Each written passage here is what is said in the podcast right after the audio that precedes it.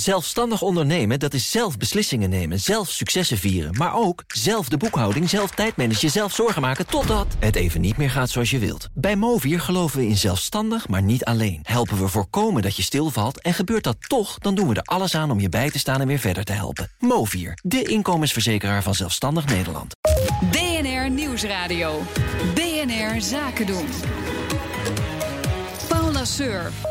De Europese Centrale Bank houdt de rente langer laag en komt met een nieuwe ronde goedkope leningen aan banken. En wat dit zegt over de staat van de Europese economie, ruim tien jaar na het uitbreken van de financiële crisis, bespreek ik in het Economenpanel. Vandaag zitten erin Valentijn van Nieuwenhuizen, hij is Chief Investment Officer van NN Investment Partners. Hans Stegeman, Head of Research and Investment Strategy bij Triodos. En Marten Visser, econoom en financieel journalist bij De Telegraaf. En ook hier is zakenpartner Monique Ansink van Jumbo Spanbandfabrikant. Uh, ja, paniekvoetbal, dat is, dat is de vraag, uh, Martin. Wat nou, vind je van de ECB? Paniekvoetbal lijkt me niet. Nou, dat de ECB met een nieuwe ronde steun voor banken zou komen...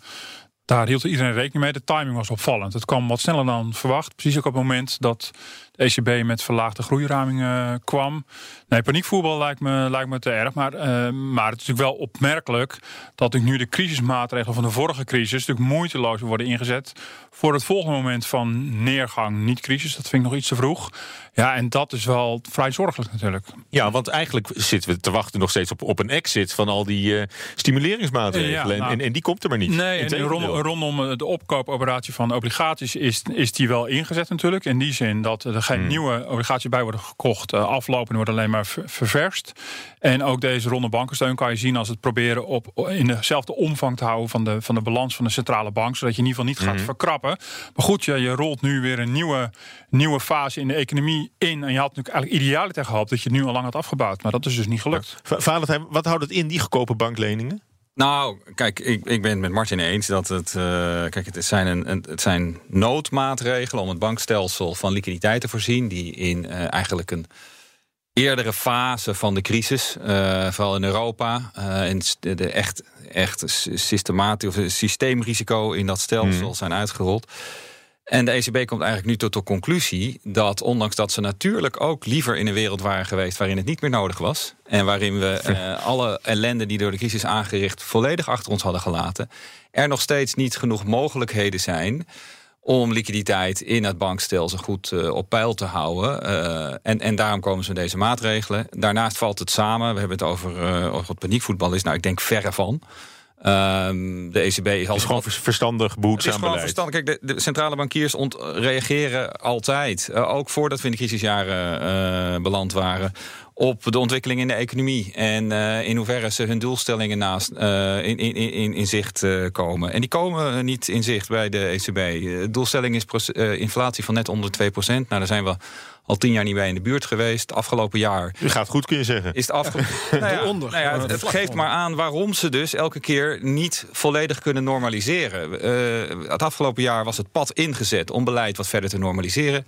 Economie sterk teruggevallen. De verwachtingen voor inflatie voor volgend jaar van de ECB zijn weer ruim naar beneden bijgesteld. Ja, en dus stellen ze dan weer ietsje bij. Alle andere centrale bankiers in de wereld hebben dat de afgelopen twee maanden al gedaan. Ze zijn echt nog laat met hun aanpassingen. Maar kijken jullie dan ook als economen kritisch naar Draghi? Want dat is toch een Italiaan. In hoeverre wordt hij beïnvloed door Italië? Want uiteindelijk deze maatregelen is alleen maar goed voor Italië. En voor dat Nederland heel heeft iets er niets aan. Maar nee, Ita- Italianen zijn Italianen natuurlijk. Nee, kijk, ik, ik denk dat, dat Draghi in zijn rol als, als, als ECB-president... hij kan niet veel anders doen. En het is, is net zoals Valentijn zegt... eh, centrale bankiers kijken naar, naar hun mandaat en wat ze kunnen doen. En dat heeft Draghi tot in, in, eh, in extremis gedaan. eh, misschien wel te ver.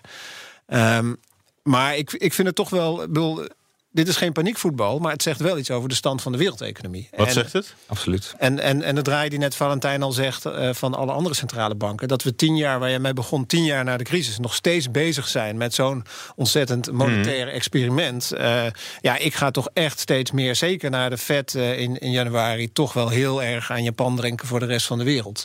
Hè, dus dus een, een, een extreem ruim monetair beleid telkens iets teleurstellende groei, teleurstellende inflatiecijfers, waardoor een, een, een terugtrekking Mm. van monetair beleid gewoon niet lukt. Maar hebben banken die liquiditeit wel nodig die nu tot, tot beschikking Ja, wordt gesteld? Want vol- volgens mij eh, de zit- niemand echt op te wachten. Nee, de Zuid-Europese banken. Nou, ik denk dat Draghi zich meer dan bewezen heeft als een eh, centrale, centrale bankier voor heel Europa. Eh, zonder Draghi's leiderschap onder de ECB was het Europees systeem in alle waarschijnlijkheid uit elkaar geknald.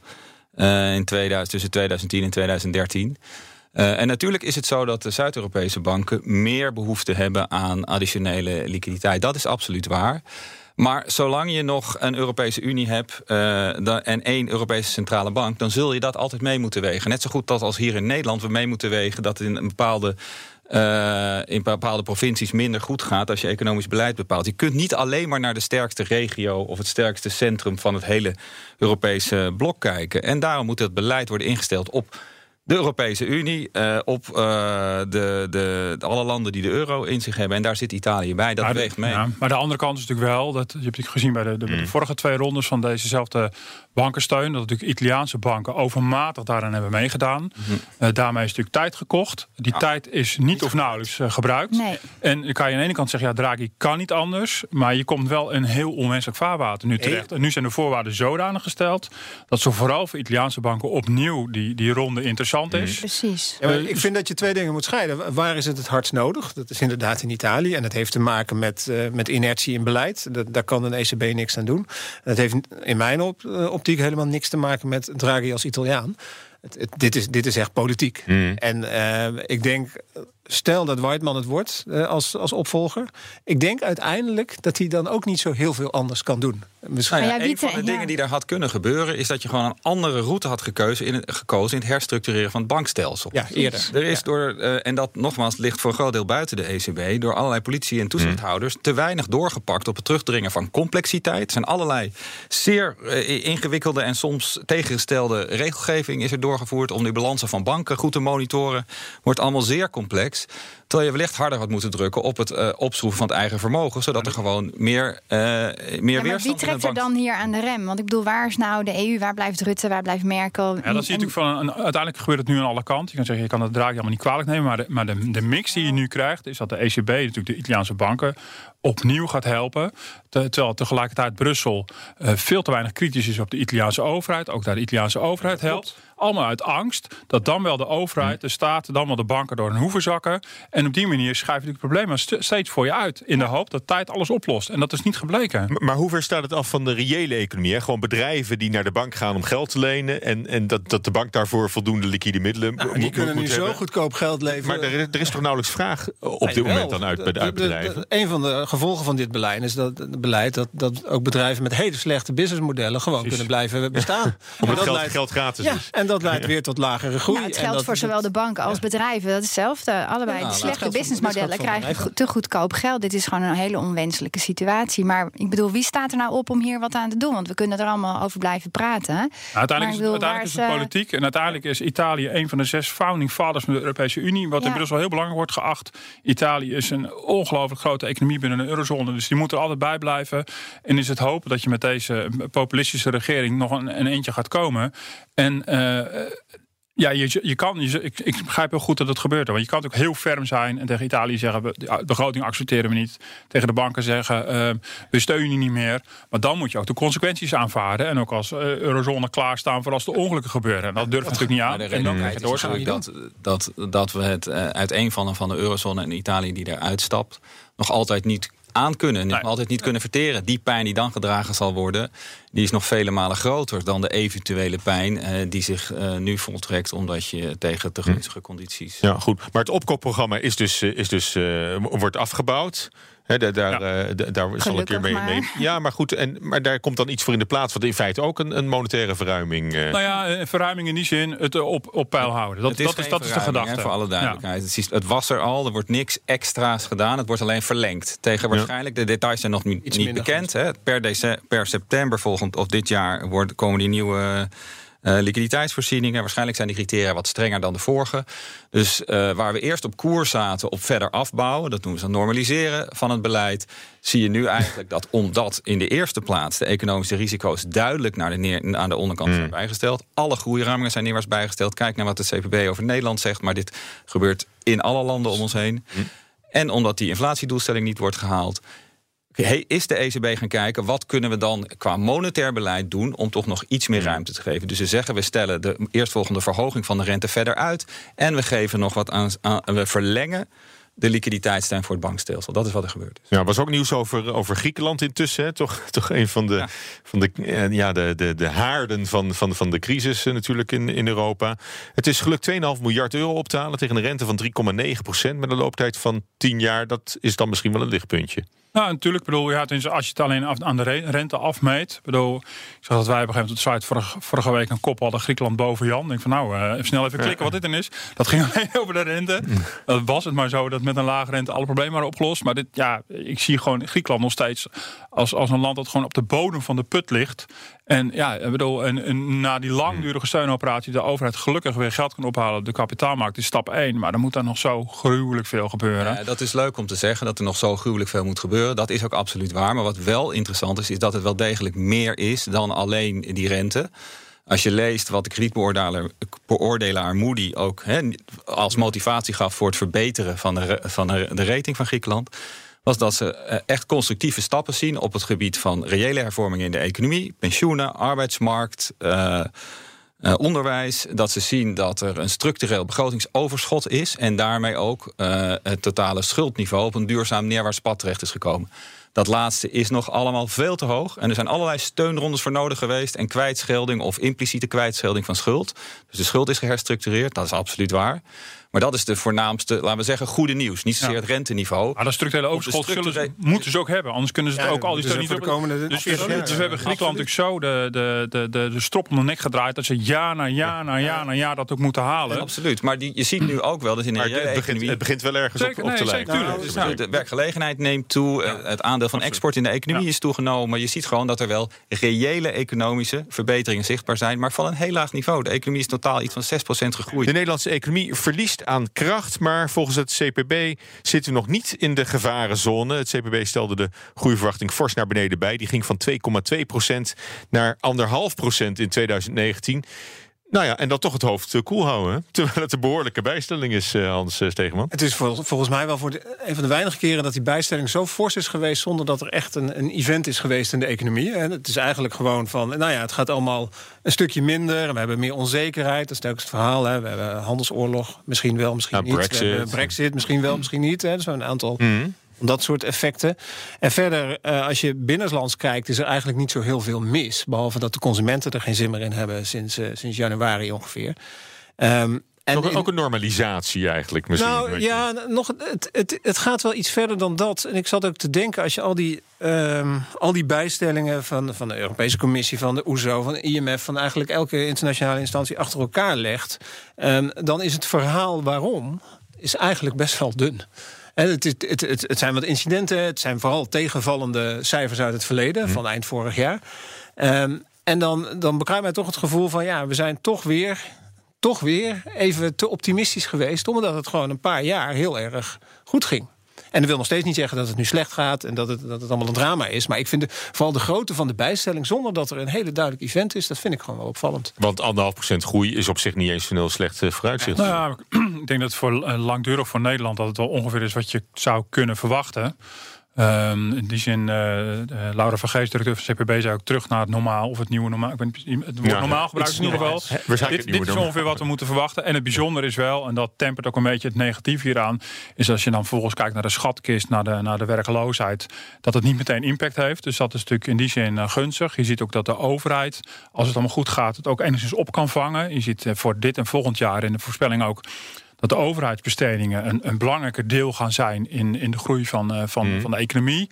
Vorig jaar lukt het niet om al die miljarden weg te zetten, omdat ook de overheid last heeft van krapte op de arbeidsmarkt, bij de zorg, bij de defensie.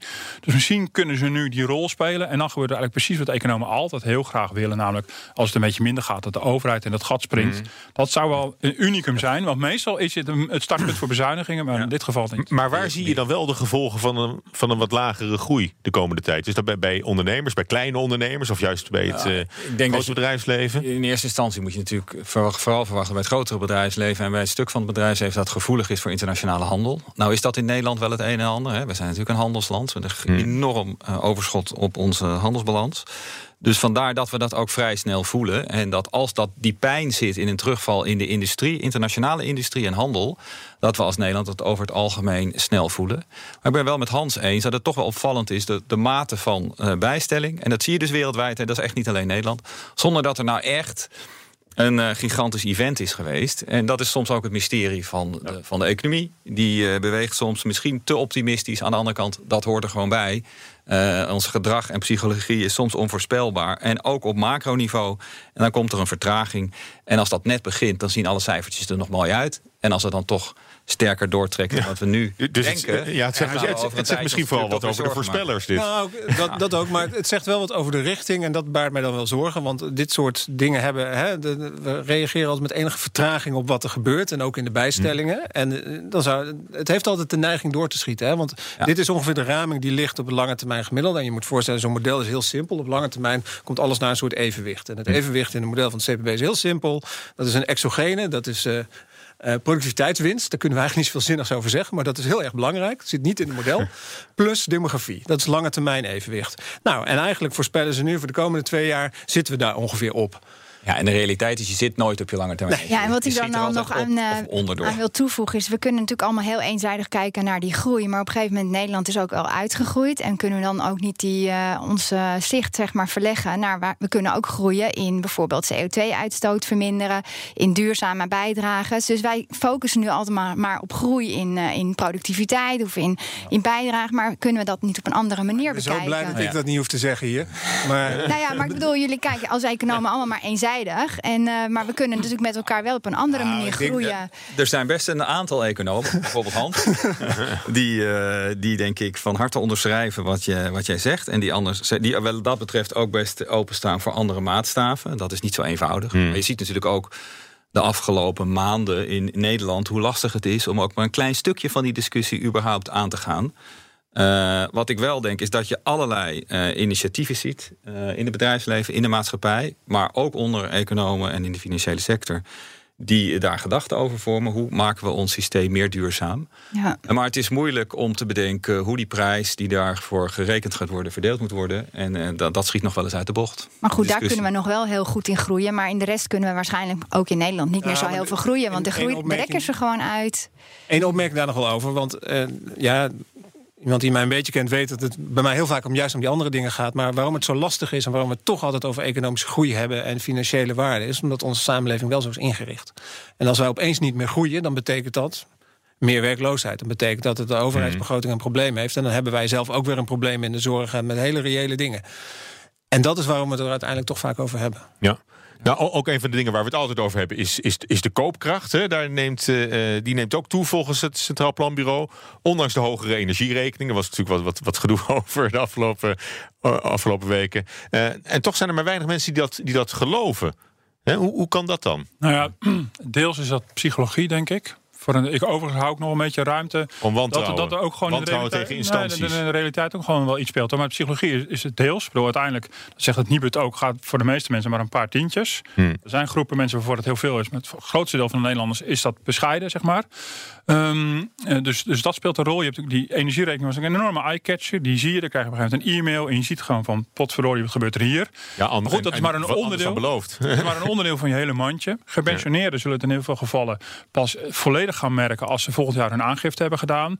Dus hier spelen natuurlijk zoveel factoren tegelijkertijd dat het heel moeilijk is om voor jou alle inkomsten en uitgaven van januari Ah, met januari te vergelijken. Het is wel zo, maar het is natuurlijk wel jammer hè, dat, dat, dat, op, eh, dat dat inderdaad. En het is realistisch. Ik geloof dat het vooral psychologie is, dat het niet vertrouwd wordt. Maar Uh, we hebben een, uh, instanties die relatief objectief en daar maat, uh, dat, dat uitrekenen heel netjes. En het zal vast niet foutloos zijn, maar het is in ieder geval een stuk beter dan uit de onderbuik schieten. En dan krijg je toch een, een redelijk genuanceerd beeld.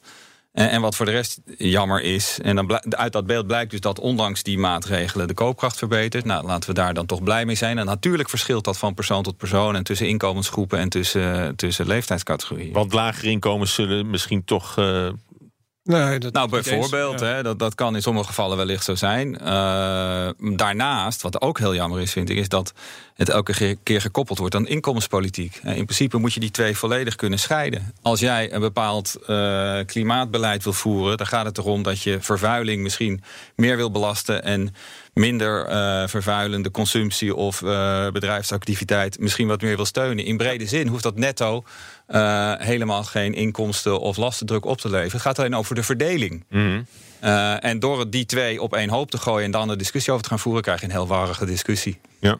Nou, dat, dat geldt ook een beetje natuurlijk voor de doorrekening van het klimaatakkoord. Hè. Die wordt ook woensdag gepresenteerd door het Centraal Planbureau. Wat is jullie verwachting daarvan? Ik, ver, ik, verwacht ja. ik, eigenlijk de verlengde van, van koopkrachtplaatjes. Wat, wat je ziet is dat politici zich heel erg aan het verschuilen zijn achter uh, de planbureaus. Dat deden ze met koopkrachtplaatjes van zeggen van nou, wij beloven koopkrachtvooruitgang. En uh, is het niet zo, dan krijgt het planbureau voor de leefomgeving met die energieprijzen krijgen gewoon keihard de schuld. Iets wat ze eerder al hadden gecommuniceerd. Ik verwacht eigenlijk, daar ben ik een beetje bang voor, dat zoiets weer gebeurt. Dat er, de, waarschijnlijk zijn niet alle planten, plannen even concreet. Niet alles is door te rekenen. Zeker niet in de modellen van het, van de PBL. Er zit gewoon heel veel onzekerheid in. Dat zullen ze allemaal heel netjes opschrijven. Daar ben ik helemaal van overtuigd. En dan kunnen we een aantal reacties verwachten. Eén reactie die we kunnen verwachten: het is niet concreet genoeg, hier kunnen we niks mee. Een andere reactie die we kunnen verwachten is van het is niet genoeg, mm. er moet meer. En uh, daartegenover staat: ja, het is niet concreet, dus we hoeven helemaal niks. Ik, ik verwacht zo'n soort discussie op, op basis van hele nette doorrekeningen waar mensen met heel veel mensen wekenlang aan hebben zitten werken. Maar Uiteindelijk moet de politiek hmm. dit beslissen. Hè? Dit, is geen, dit is niet iets wat je in uh, modellen kan stoppen en dan zeggen van oké, okay, de planbureaus hebben doorgerekend, we doen nog een tikje links, tikje rechts en we zijn klaar. Ja. Uiteindelijk is het aan de politiek om daar iets mee te doen. Ja, het is ook wat Monique net, net aangaf. Hè? Van, moet je niet ook. Hè, het wordt nu nog vaak gezien als een last waar bedrijven, burgers mee zullen moeten, moeten dealen. Het, het, is ook een kans waarmee ja, je jezelf zeker. wereldwijd kunt uh, profileren misschien. Ja, ik, ben het daar ook, ik ben het daar ook mee eens hoor. Uh, ik zie dat soort kansen ook meer en meer ontstaan. Als je kijkt naar bedrijfstakken of individuele bedrijven... waar we ook als asset manager in beleggen. Er zijn echt wel groeimodellen die juist kansen bieden... als gevolg van toenemende klimaatrisico's... of aanpassingen in, uh, in regelgeving. Ja, en ik vind ook dat als jij nu zegt van ja, dat, dat is aan de politiek om te beslissen. Nou, uiteindelijk is het aan ons om te beslissen. Maar wij moeten de juiste politieke leiders kiezen die daarvoor gaan. Mm. Dus dan moeten wij ons ook laten horen. En niet alleen maar weer de vingertjes wijzen naar de politiek. Want zij, zij wacht natuurlijk ook op onze input. Ja. Dus ook als burger, maar als bedrijven en als economen moeten we daar wat over gaan zeggen. Om die politiek daarover uh, ja, te inspireren. Om de juiste keuzes ja. te maken. Maar goed, dan moet, je, dan moet je ook naar de ondernemingsraad van Tata Steel of ja. Shell, Dow Benelux gaan en zeggen van uh, joh, is een goede zaak. Nee, daarom vind ik het ook wel goed. Ik ben het volledig met Hans Tegenman eens. Ik bedoel, uh, de klimaattafels zijn het aan, aan, uh, aan zet geweest heel, heel erg lang. De politiek die nauw betrokken was, kon doen alsof zij daar niet mee te maken hadden. Klaas Dijkhoff, fractievoorzitter VVD, die zegt: Ik heb geen akkoord. Nou, na de doorrekeningen, uh, dan heeft hij misschien geen akkoord. Maar dan is het wel zijn taak ja. om nu de, de, de, de, de, de, de blanco spaties in te vullen. En die kunnen klein zijn, die kunnen groot zijn. Hij zal moeten kiezen samen met zijn coalitiepartners welke koopkrachteffecten het eventueel mag hebben, welke effecten voor het bedrijfsleven mag hebben, hoe het gaat met de banen bij Tata Steel. Mm -hmm. Nu is de coalitie aan zet. En ze zijn zo ferm geweest om te zeggen, we zijn het groenste kabinet ooit. Nou, laten we maar zien naar woensdag. Die duidelijkheid komt ja. er dan. En dan ligt het weer helemaal op het bordje van het kabinet. En daar hoort het uiteindelijk thuis. En dat is het grote belang, denk ik, van die doorrekening Zeker. van het uh, klimaatakkoord. Ja. Dus nou, dank jullie wel. We gaan, uh, we gaan er naar uitkijken. Dank wel Martin Visser, econoom, financieel journalist bij de Telegraaf. Valentijn van Nieuwenhuizen, Chief Investment Officer van NN Investment Partners. En Hans Tegeman, Head of Research and Investment Strategy bij Triodos. Ook dank aan mijn zakenpartner Monique Ansing. Dankjewel, leuk dat je er was. Van Jumbo, spanbandfabrikant. Zelfstandig ondernemen, dat is zelf beslissingen nemen, zelf successen vieren. Maar ook zelf de boekhouding, zelf tijdmanagen, zelf zorgen maken... totdat het even niet meer gaat zoals je wilt. Bij Movier geloven we in zelfstandig, maar niet alleen. Helpen we voorkomen dat je stilvalt en gebeurt dat toch... dan doen we er alles aan om je bij te staan en weer verder te helpen. Movier, de inkomensverzekeraar van Zelfstandig Nederland.